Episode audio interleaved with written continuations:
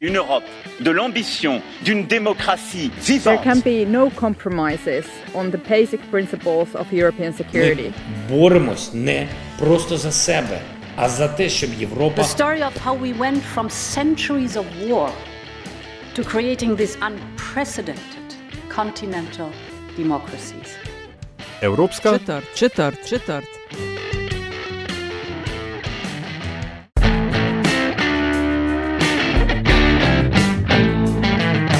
Spoštovane in cenjeni, dobrodošli v podkastu Evropska četrt, podkast o vsem, kar vas bo zanimalo o Evropski uniji, pa niste vedeli, koga vprašati. Evropsko četrt vodiva Nataša Briški in Aljaš Penko, obitenc. Podcast domuje na spletni postaji metinalista.si, v vašem nabiralniku pa sveža epizoda takoj, ko je na voljo. Še par mesecev aljaš nas loči od evropskih volitev. V Sloveniji bodo v nedeljo 9. junija, sicer potekajo po vsej EU med 6. in 9. junijem. In sva rekla, da zdaj, ko so stranke še v procesu izbiranja kandidatov, zaenkrat je bolj malo znanega in novega, malo več. Pa me popravi, če se motim, ali jaš je NSI razkril, pa nekaj malega SDS, ampak sicer pa še čakamo uh, kandidate. Naj pa bo zanimalo v tej epizodi z gostom se pogovoriti na temo mehanike volitev, ker EU volitve imajo nekaj drugačnih momentov kot nacionalne parlamentarne volitve. Da o lokalnih ne, ali pa volitvah v državni svet in, in, in, in kupa drugih volitev, ki jih imamo v tej državi, sploh ne govorimo. In uh, EU, volitve v Evropski parlament so res uh, posebne. Mislim, da so tudi najmlajše v smislu pač, institucionaliziranja volilnega procesa. O vsem tem se bomo pogovarjali z donedavnim, do pred kratkim, direktorjem Državne volilne komisije Dušanom Vučkom. Gospod Vučko, pozdravljeni v Evropske četrti. Uh, lep pozdrav uh, in hvala za povabilo najprej.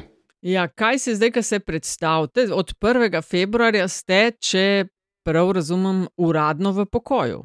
Ja, zamenjal sem zadnjega delodajalca, ne? to se pravi Zavod za pokojninsko in invalidsko zavarovanje. Jaz upam, da bom pri de tem delodajalcu najdlje zaposlen. uh, je pa res treba povedati, da pa jaz sem kar nekaj služb menil v karieri uh, in na, kot direktor sem bil najdlje, se pravi 12 let in pol, če sem čist natančen. Tako da zdaj pa, hvala Bogu, no, jaz mislim, da je pravi čas, da sem se postavil na prvo mesto in da si zaslužim po 41 letih dejanske delovne dobe tudi nekaj časa še uživanja. Kolik pa Bog ve, pravijo. Naj bo čim dlje, ne? ampak gospod Vučko, za začetek um, mogoče vendarle, um, da povemo, kaj direktor volilne ali pa direktorica ne, državne volilne komisije počne in česa ne počne, ker skozi v bistvu celotno zgodovino demokratične Slovenije in vrsto volitev je uh, državno, oziroma še predtem Republiko volilno komisijo predstavljal en človek, ki pa, čeprav razumem, ni bil glavni. Ne, sej, eh, ljudje, pa se to razumljivo. Ne? Državna volilna komisija je, spada po tej državni ureditvi kot neodvisen uh, državni organ, volilni organ, je pa specifičen v primerjavi z drugimi državnimi organi, recimo Komisijo za preprečevanje korupcije, potem informacijska pooblaščenka, varuh človekovih pravic in da ne naštevam druge. Kajti člani državne volilne komisije, se pravi predsednik, člani ter namestniki, te funkcije ne opravljajo poklicno. Zato je položaj direktorja, ki je uradniški položaj, izredno zahteven, ali pa zato, ker skrbi za vse, ne, Ni, ne odloča pa v stvarih. Seveda, dožnost direktorja je, da skrbi za službo, da zagotavlja vse pogoje za delovanje državne volilne komisije, da pripravlja za, zagotavlja strokovno in tehnično, pa da rečemo še administrativno pomoč za delovanje.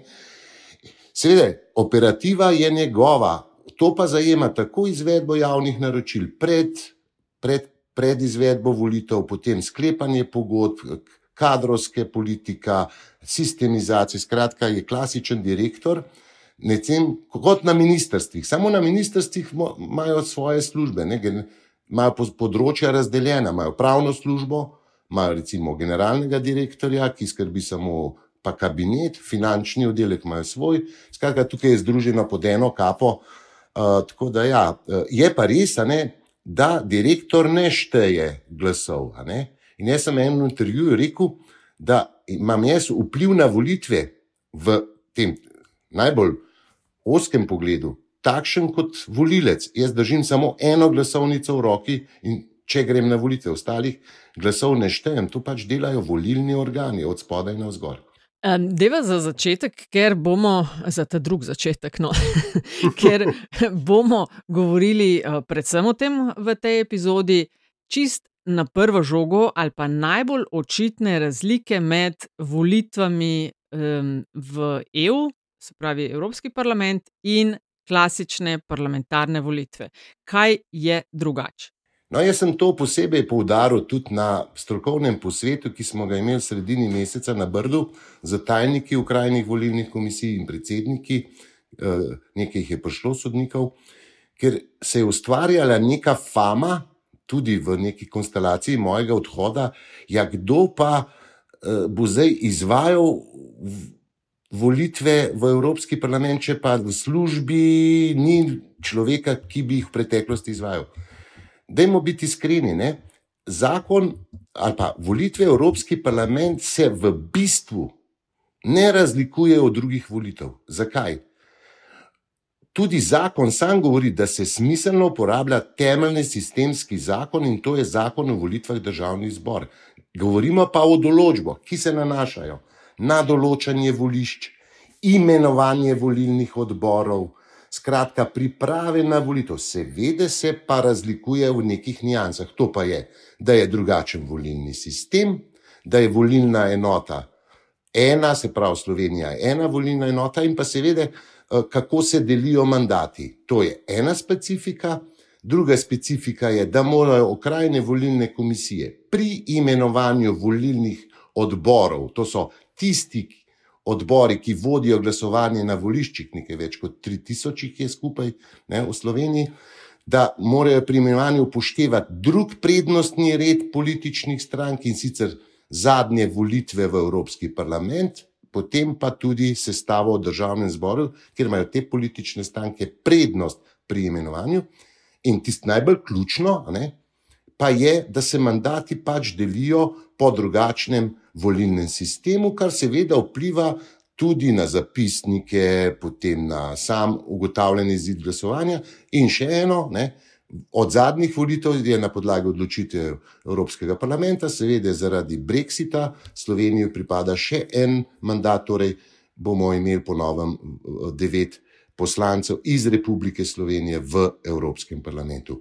In naj na zadnje, tisto, kar sicer meni ni najbolj ljubo, ali pa ne razumem čist logike, ampak takšne so pravila, da moramo pri objavljanju delnega izida, začasnega izida, čakati toliko časa, da se zadnje volišče v Evropski uniji zapre. Eh, ali bo to zdaj Poljska spet, ali bo to Italija, jaz ne vem, ampak dejstvo je, da bomo čakali z objavo izidov, ne vem, do 10. bodo morali čakati, ali pa do 11. ure. Ostale procedure, kot vi pravite, mehanika, je pa povsem enaka.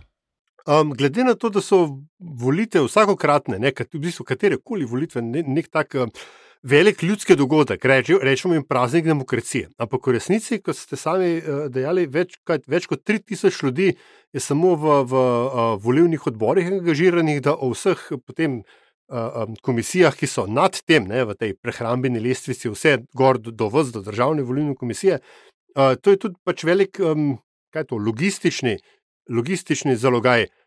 In če dodam na to še um, nedavne, nedavne poročanje o tem, da uh, vas skrbi, ali bo dovolj denarja za izvedbo ne, za, uh, evropskih volitev, a imate zdaj, oziroma drugače, ali ima vaš naslednik, državna volilna komisija, dovolj denarja za um, izvedbo teh in pač vem, drugih volitev, ki nas morda še čakajo?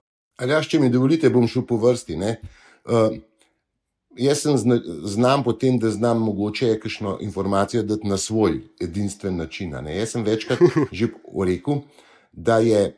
Vi ste rekel, volitve so praznik demokracije. Jaz sem rekel, to je največja javna prireditev, ki jo organizira država tudi če bi Slovenija organizirala olimpijske igre, ne bi bilo tako uh, zahtevno.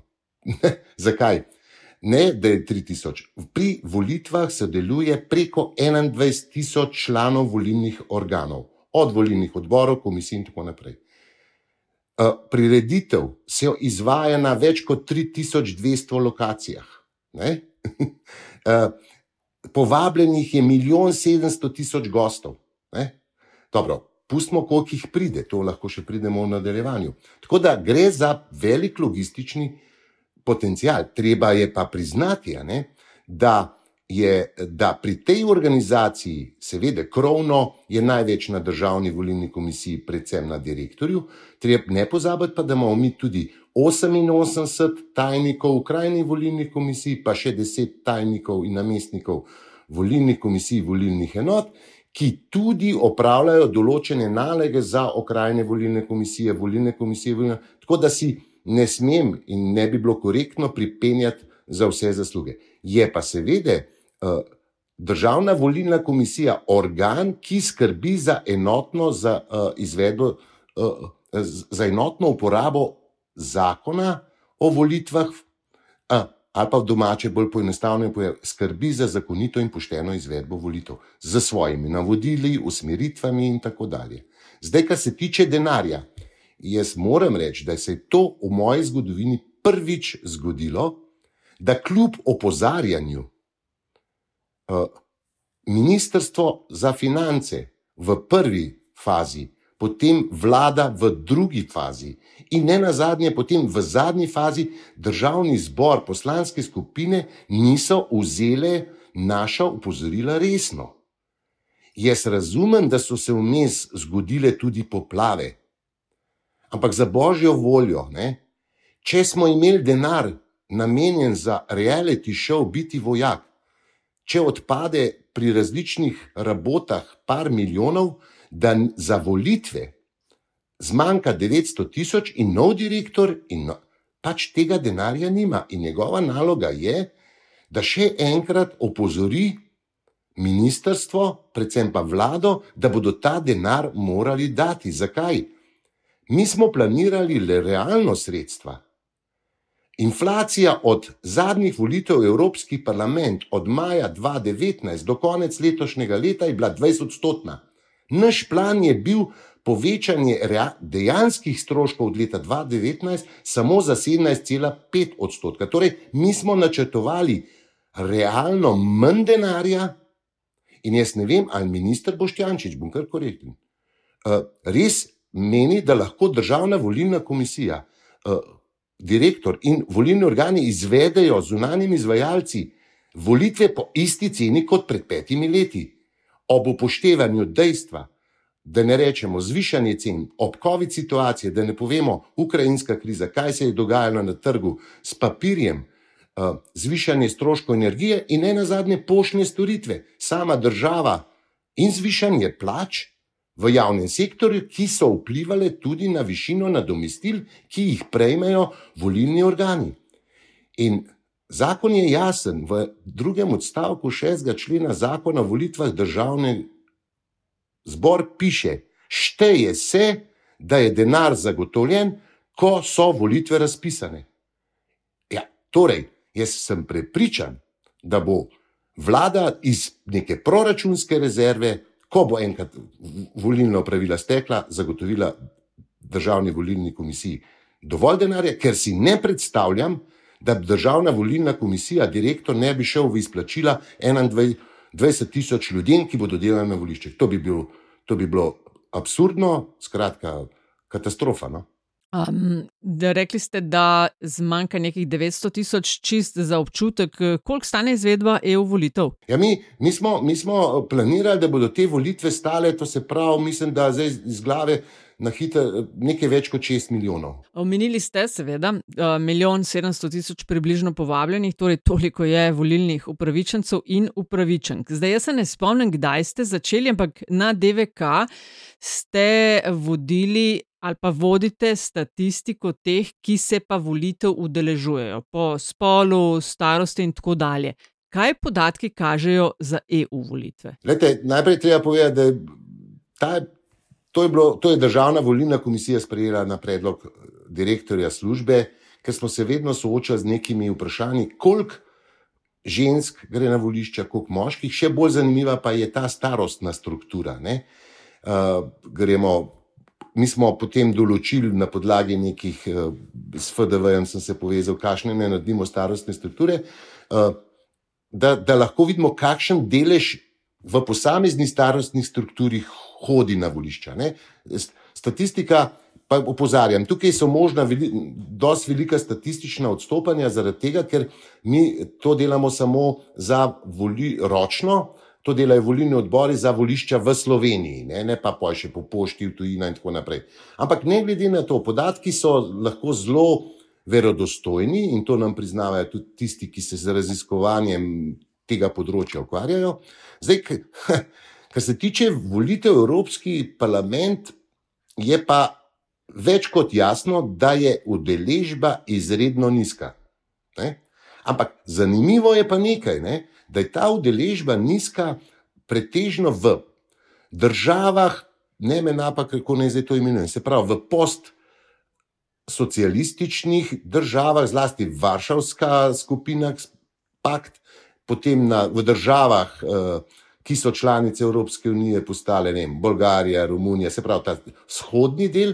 Medtem ko je v državah tradicionalne eh, Evropske unije, pa je višja. Ne? Jaz sem zadnjič v intervjuju rekel, ni zanimivo, da se Avstrijci bolj zavedajo, da je treba na evropske volitve hoditi kot Slovenci in to bistveno bolj. Ne? In tukaj pa je nek fenomen, mogoče je to posledica tega, uh, daleč od oči, daleč od srca. Uh, mogoče je posledica tega, da mnogi menijo, da je vpliv Slovenije v Evropski uniji uniji slab z devetimi poslanci, kar je lahko tudi mogoče res ali pa ne. Jaz se s tem vprašanjem nisem ukvarjal, ampak tukaj smo. In uh, zadnje evropske volitve, jaz sem zelo dobro sodeloval z žal pokojno Manjo Toplak. Ona je bila res, za, ona je bila fenomenalna. To je bila taka akcija, in jaz sem rekel, Manja, če bomo mi uspeli prek 30% prideti, bo tvoj del vse denar ali pa vse angažma upravičen, ampak sej ste videli, kam smo prišli. Smo povišali, ne? jaz ne vem, kakšna bo zdaj. Uh, tukaj bi morali drugi uh, več narediti, ne kot državna volilna komisija, ki teh pristojnosti nima.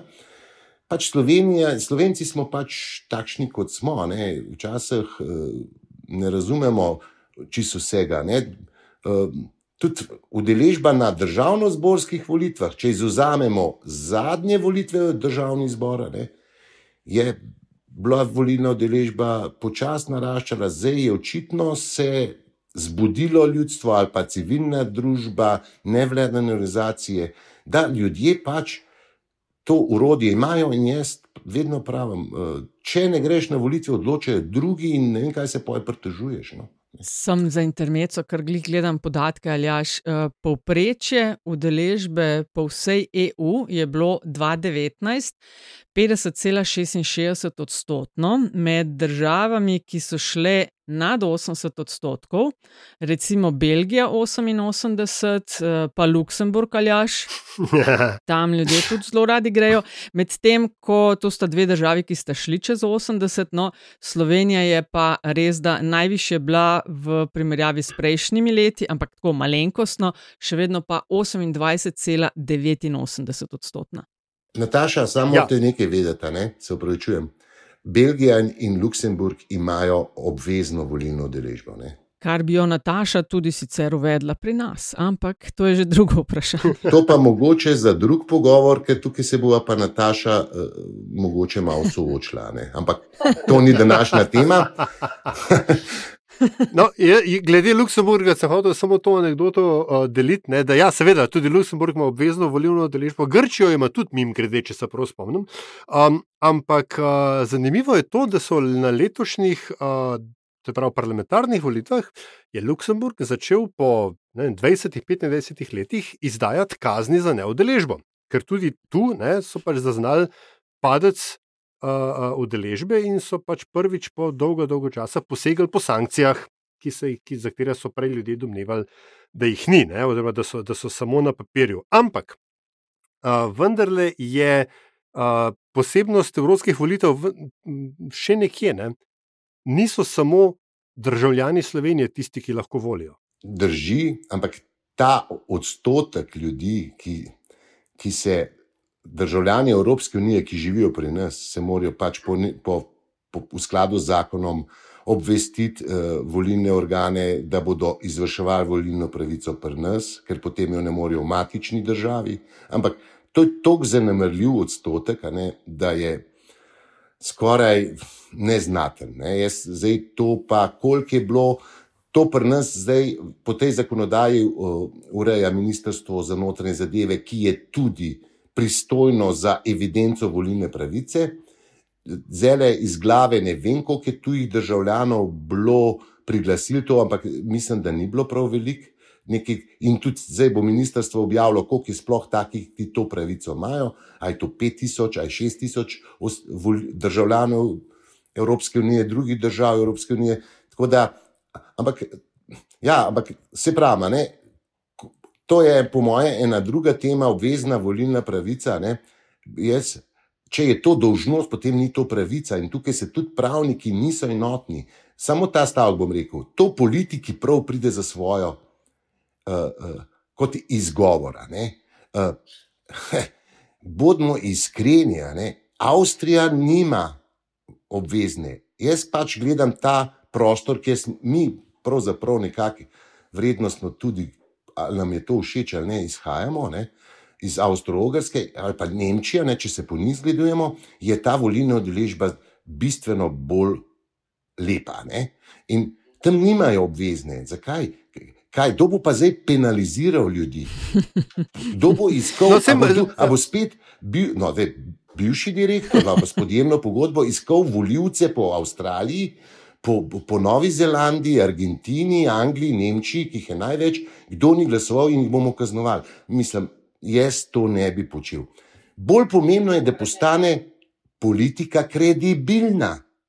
To je problem. Problem je pri nas v dojemanju politike.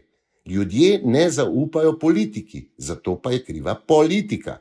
Sam za intermeco, ker ste omenili Avstrijo in Nemčijo. V Avstriji je bila 2019 udeležba 59,80 odstotna, v Nemčiji pa 61,38. Ja, zdaj pa. Zdaj pa, pa tako, ne, jaz sem včasih tako v žargonu rekel, ne, kot za malo hudomušno. O moj bog, ne, tako radi bi imeli avstrijske plače, tako radi bi imeli avstrijski sistem. Ne, greš, tam čez jezersko, v Eisenkaplo, vse laufa, pa nas, ki greš pa v jezersko, pa neč ne laufa.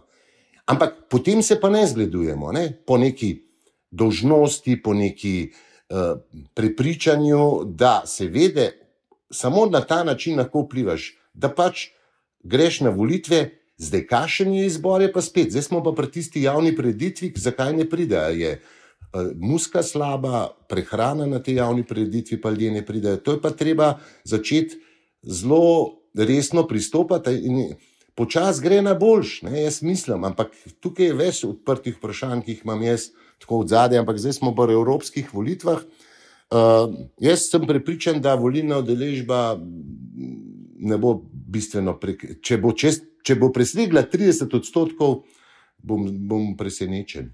No, ampak recimo, ne, da se mi zdaj vendarle da, postavimo v vlogo voljivca oziroma voljivke, ki se zaveda pomena teh volitev, da Slovenija svojo, da rečemo, državnost izvaja tudi na bruselskem parketu in da zato ni nepomembno, kdo tam noter, v tem primeru v Evropskem parlamentu, sedi.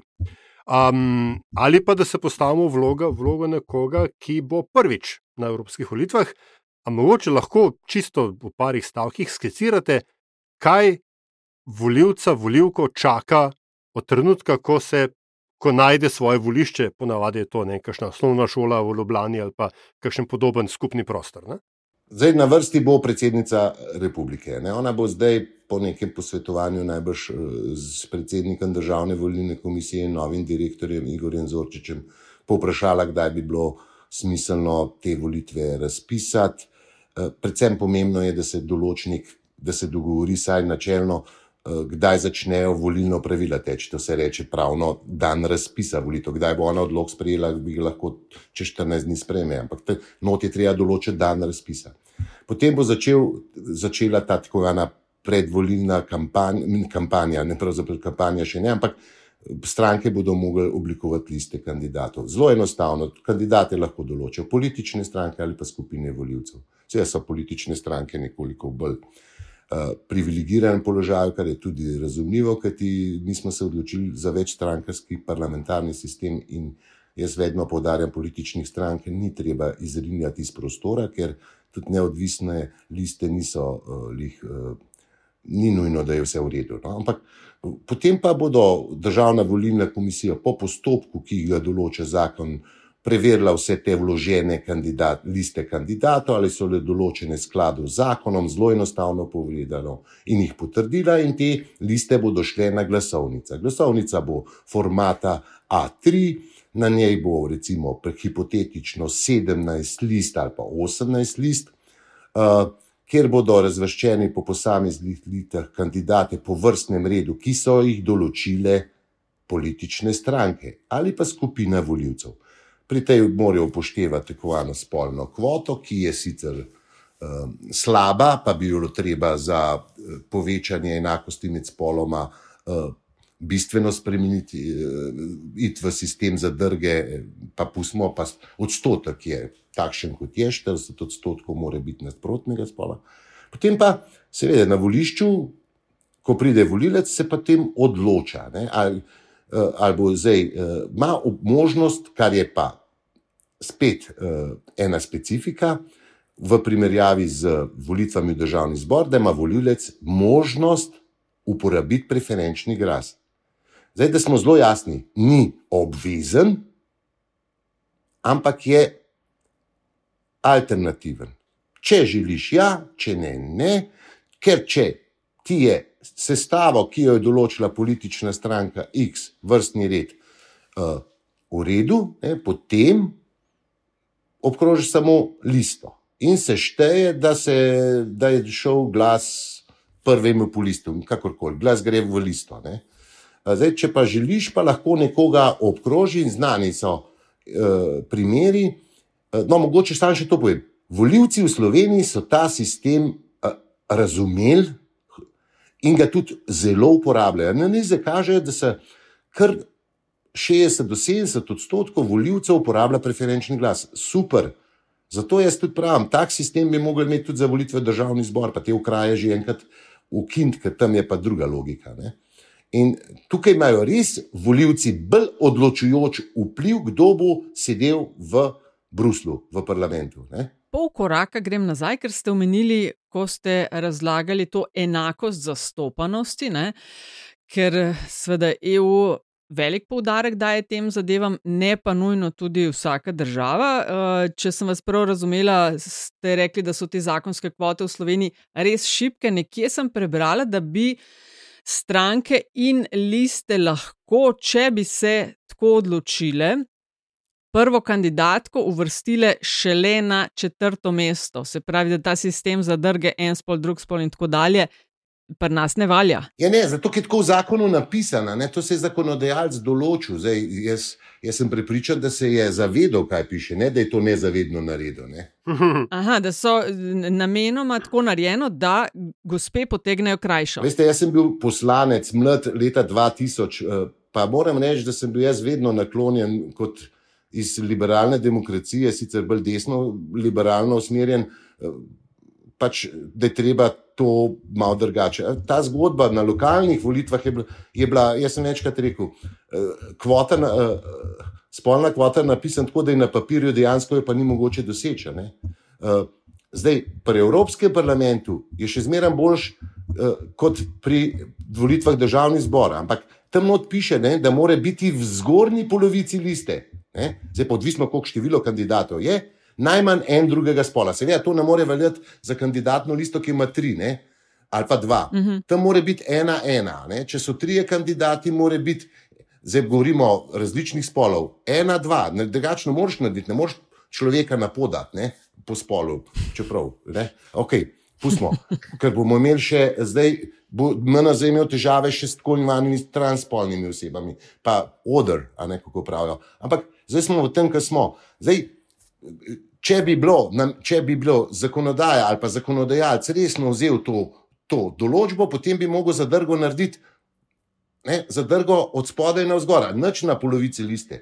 Na listi mora biti najmanj polovica, polovica kandidatov drugega spola, ker v drugi, drugi primeri so lahko pa moški, ne, Eh, zelo podhranjeni ali pa ne, kot, kot v sodstvu, ne, ker je več žensk, pa ni, ni, ni problem, vse mogoče je to dobro.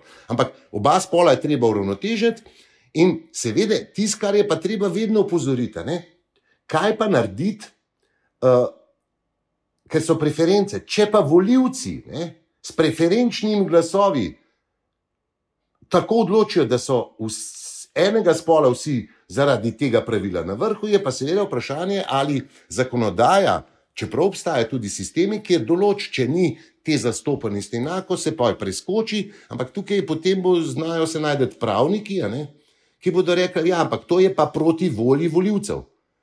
Jaz tukaj nimam enoznačnega odgovora, prihajamo na polje, če bi taka zakonodaja bila, ali spoštovati voljo voljivcev do konca. Ne? Ker večinski sistem ima to, ne? Eh, torej, je treba istočasno delati tudi v civilni sferi, na drug, vseh drugih področjih življenja in to propagirati ali pa eh, objasnjevati ljudem, kako pomembna je vloga enako spolov. Ne? Pa vse vemo, da uh, ženske za, nosijo tri vogale. Ne? Je pa mogoče kdaj vse pustimo. Ampak jaz, ki sem bil v parlamentu, smo šli gledati v finski parlament, jaz vam povem, Nataša, jaz sem mislil, da sem prišel na en faks. Ne? Zakaj? Ker je bilo ogromno mladih ljudi in ogromno deklet, žensk, poslank.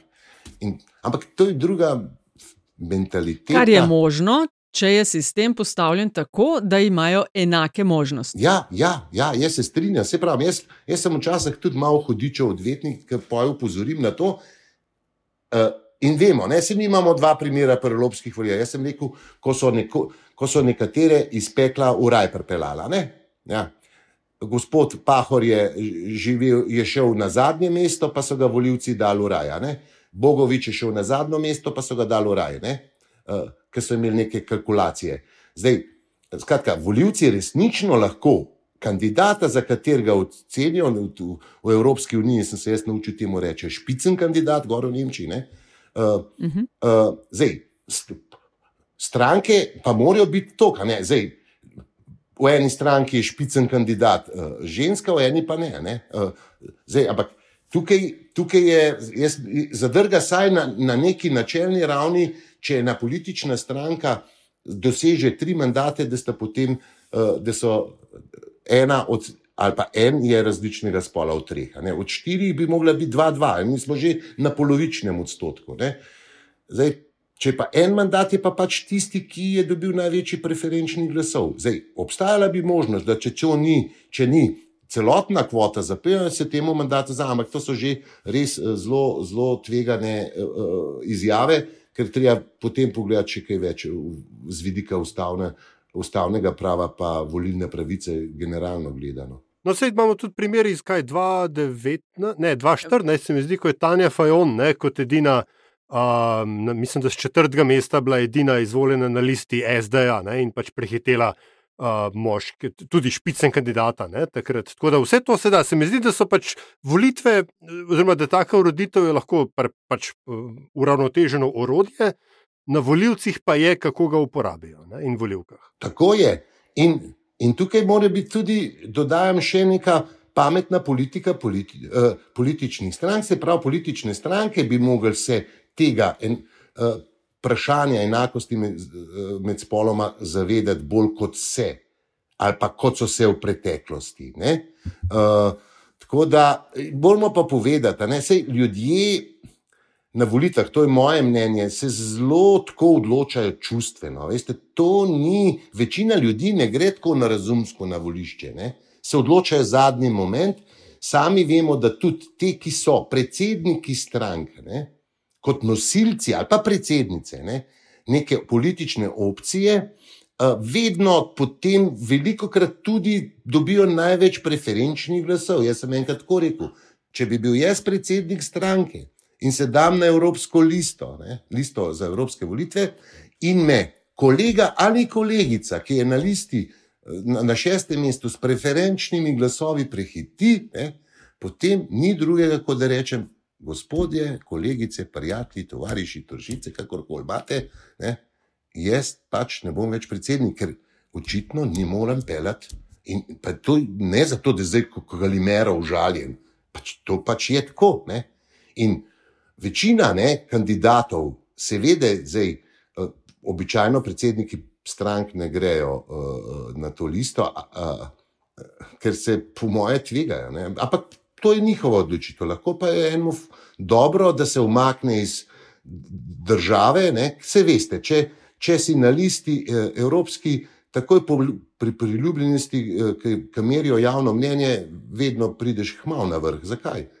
Daleč od oči, daleč od srca, nimaš problemov.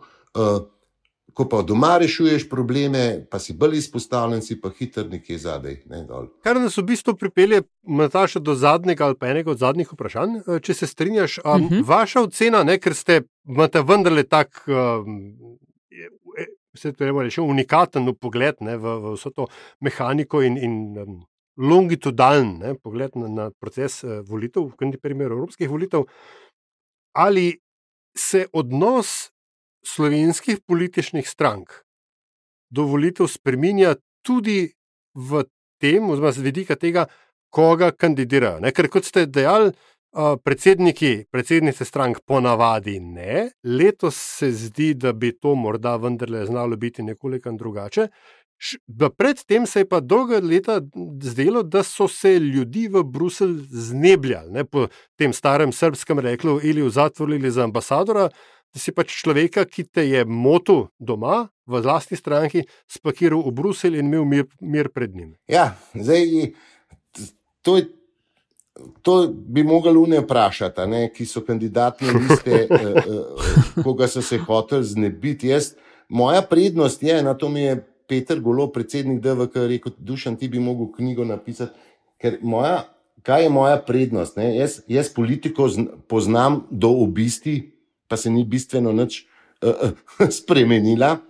Uh, od leta, ko sem bil poslanec, po, politike sem se pa naučil kot sekretar poslanske skupine Liberalne demokracije Slovenije v tistem času, ko se je ta razkrajala pri živem tkivu. Ne? In, in, in, in ko to greš, in ko si tudi sam žrtev politične igre, ne, za kar sem danes zelo hvaležen, ne, uh, ker so me zaradi tega, ker sem bil uh, malo preveč samo svoj, ker sem bil brez dlake na jeziku, so seveda za, za nagrado nisem dobil izvoljivega okraja, ampak takega tveganega in se je vedlo, da ne bom prišel v parlament. Tako da se mi je potiho umaknil. Sej, ampak nič narobe, pač to, če si v politiki, moraš s tem računati. Ampak uh, zdaj, koga se hočemo znebiti, jaz če pravim, fenomen je. Fenomen je res te, ta vzhodni blok. Uh, pa poglejmo tudi ne, Poljake, pa to, tudi te politike, kako se v Evropski uniji, ki jo jaz spremljam, ne razumem. Prej bi vse naredili, da bi prišli v Evropsko unijo z Mačarsko, reti nekva, zdaj smo pa tak špilferderberi, ne, ne razumemo vsega. Ne. Pa gre za človekove pravice, pa gre za ne vem kaj, ne, v redu. Uh, ta, ne vem, no, uh, je pa res, da ne sej te, te, teh informacij iz Evropske unije, teh pojavljanja teh poslancev je zelo mehko. A veste, verjemite pa, ne, jaz včasih, bila je Facebook, uh, Facebook uh, kandidatna lista in sanska služba. Ne. A veste, enkrat bo treba v Sloveniji, zdaj bom pa rekel nekaj bogokletnega. Ne. Uh, enkrat bo treba v Sloveniji odpreti debato. A je to normalno, da predsednik vlade, kdorkoli je, ali Janez Janša, ali Golop, ali kdorkoli bo naprej, zasluži manj, kot pa en malo više plačan uradnik, da ne, da ne omenjam mogoče nekašne strukture iz doktorskih vrst. Koliko zaslužijo poslanci, kakšne plače imajo politiki v Avstriji, glede na njihov bruto družbeni proizvod, uh, kako dobijo pri nas poslanci. Ne? In jaz sem večkrat že rekel, tukaj pa nas se dogaja neka negativna selekcija. Ko sem jaz leta 2000 prišel v parlament, kot po mojem oceni, skoraj malo premlad, premalo izkušnjami, ne, uh, so sedeli not res gospodje, ki, ki tis, na levi, desni in sredini, ki jih je bilo treba zelo spoštovati. Ne. Potem pa, kdo pa se zdaj še odloča za, govorimo na državni ravni. Veste, biti minister v Sloveniji je bistveno teže kot biti evropski poslanec, v, pa ne bom primerjal plače, kar trine. In tukaj se je politika že zdavnej odrezala vejo, na kateri je sedela. Je pa res, da bi mogla politika tudi se vsakega odpovedati, če, ga, če se prekrši. V, v Nemčiji je predsednik države odstopil za 700 evrov, pa pogledajmo, kaj se je dogajalo v Avstriji z uh, bivšim premijerom Kurcem, pa tako naprej, in je prišel potem nazaj kot zmagovalec. Pri nas pa to malo drugače poteka. Ne? In potem ljudje izgubljajo zaupanje. Kredibilnost politike je slaba in zato volilna udeležba eh, ne bo dobra. Za Evropski parlament, pa skoro sem rekel, jaz si upam stav, da ne bo več kot 31 odstotkov. No, jaz, jaz pa stavim, da bo 32 ali več, pa tako da bo malo zanimivo. Ne, to so interne stave, ja, tako, to, to smo mi s kolegi vedno imeli. Ja. V redu, kdorkoli zmaga, vzamete me skupaj na kofe ali karkoli. Ja. Zmenjeno. Uh, kaj je Dušan Vučko rekel Igorju Zorčiču, ko sta se poslovila, ko ste mu predali posle? Ja, jaz, jaz sem se trudil z mojo službo, da smo pripravili v bistvu glavne priprave že prej. Ne. Se pravi, jaz sem naredil primo predajno poročilo. Osnutki aktov, ki jih more DVK sprejeti za izvedbo volitev, so v globalu pripravljeni. Seveda, zdaj jaz sem. Ne, se nisem mislila samo tega, čiste tehnične stvari. Ja, ne, jaz sem samo rekel, prva naloga je, seveda, da greš, eh, in to je njegova prednost kot bivšega predsednika državnega zbora, da, da potrkaš na vrata predsednika vlade, ne rabiš pred ministrstvo za finance in da, da, da, da razčiste, kar se tiče denarja. Eh, drugače sem mu pa zaželel samo uspešno. Eh, jaz sem tudi leta 2011, takoj ko sem zasedel 9. augusta 2011, se usedel na ta položaj. 4. decembra smo imeli predčasne volitve v državni zbor. Uh, jaz verjamem, da bo z ekipo, ki jo je na, na državni volilni komisiji, službo, ki je sicer vidka, to je sedem, uh, zdaj osem ljudi, ne, uh, da bodo uspeli, da bodo znali in uspešno speljali te volitve ob sodelovanju z državno volilno komisijo, ki ima noter dobre, poznavajoče ljudi, ki poznajo volitve in bodo znali odločati. Uh, Tako da ne vidim razloga. Je pa tako, ni vse od njega odvisno. Veste, če najbolj uh mhm. -huh. ključni so volilni odbori in pa volilne komisije, okrajine. Ne, ne more on odgovornost nositi, če pa na enem volilnem odboru se nekaj zgodilo. Ampak to se potem procedure rešuje. Bo pa mogel se hitro odločiti, to pa je vedno tako. Najlepša hvala, gospod Dušan Vučko, za gostovanje v Evropski četrti, ki že imate ravno tak pring, pa se opada s 40-letnico, vi 40 plus let v službi in zdaj v pokoju, pa te dni verjetno tudi ni šlo min vas. Mineva 40 let od olimpijskih iger v Sarajevu in njihove maskote Vučkota. Se ne, da je to ne, je povezan. A ste spremljali, ste ne malo ujeli? Ja, seveda, se, če, če vam iskreno povem, ne, jaz, če boste kdaj videli kakšen avto, ki je uh, z nalepko nekoliko posodobljenega uh, dušana Vučka. Uh, Ne, duša na Vučka, Vučka iz Sarajeva, ki ga je Joško Trobec napisal, narisal, ne, uh, potem se pelje Dušan Vučko. Ali pa na motorju, na čeladi imam jaz to je moja hčina Dila, ki je ilustratorka. Tako da jaz, eh, mene res eh, to spremlja in tudi darilo eh, od sodelavk sem dobil Vučkova skrinjica in gorje užgan uh, Sarajevski Vučko. Imam pa en kup mikic iz Sarajeva. Uh, Ker so mi kolegi nosili, ker so pač tega vučka, te ne pa so mi prenesli. Tako da meni se zdi to lepo, no, da, da imam tak prim. Je pa treba povedati, da je to prekmorski prim, je pa nisem šel pa gledati, odkje točno izvira, v Dalmaciji ne najdemo ta uh, priimek in tako naprej. Ampak ja, sem se spomnil olimpijskih iger in takrat sem bil zelo popularen. Ja. Hvala lepa še enkrat za gostovanje v Evropski četrti. Hvala za povabilo in uh, želim vam uspešno delo tudi v prihodnje. To je bila Evropska četrt 125. v podcast Vesolju. Hvala za vašo pozornost. Predlogi in mnenja so kot vedno zelo dobrodošli. Hvala pa tudi za pohvale in kritiki, ki jih delite z nama.